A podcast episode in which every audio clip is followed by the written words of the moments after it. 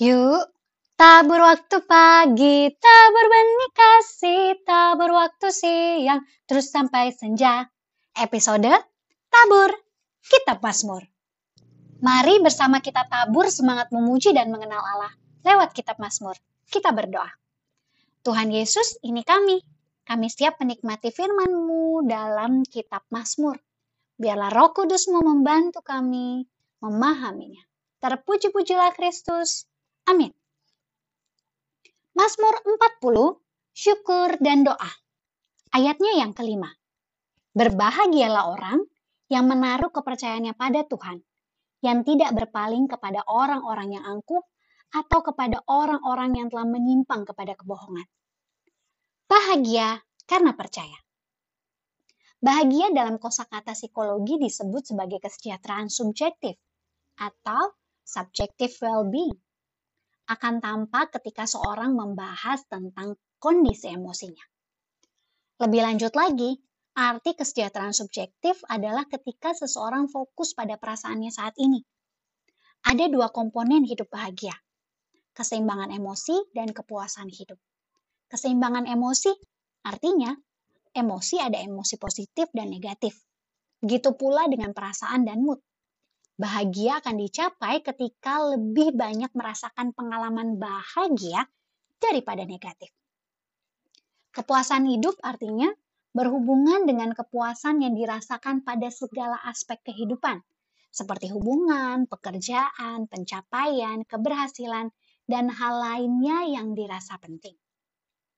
Dari pandangan bahagia versi psikologi yang merujuk pada subjektivitas pribadi, maka pemazmur hari ini mengingatkan dan menawarkan bahwa bahagia itu ketika percaya.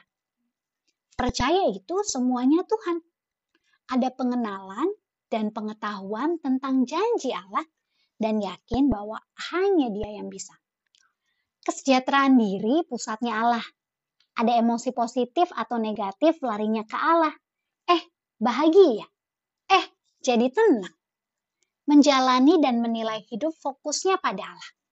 Kita, manusianya berusaha dong, jalani, belajar, melakukan tugas-tugas kita. Kalau ada yang tidak sesuai atau tidak tercapai, langsung respon. Apa maksud Allah ya? Karena mengandalkan orang yang merasa bisa, itu sia-sia. Mengandalkan orang yang suka bohong, bisa-bisa ikutan jadi pembohong dan berakhir sia-sia. Jadi, mau merasakan kesejahteraan diri? Yuk percaya pada Allah. Sesederhana menikmati renungan ini dan melakukannya dalam kehidupan sehari-hari. Selamat percaya dan bahagia. Mari kita berdoa.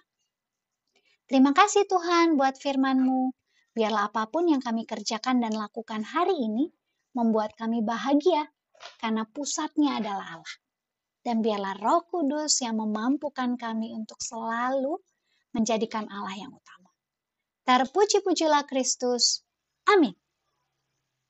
Tabur waktu pagi, tabur benih kasih, tabur waktu siang, terus sampai senja. Pasti ada hasil, hati pun senang. Tuhan Yesus memberkati. Salam.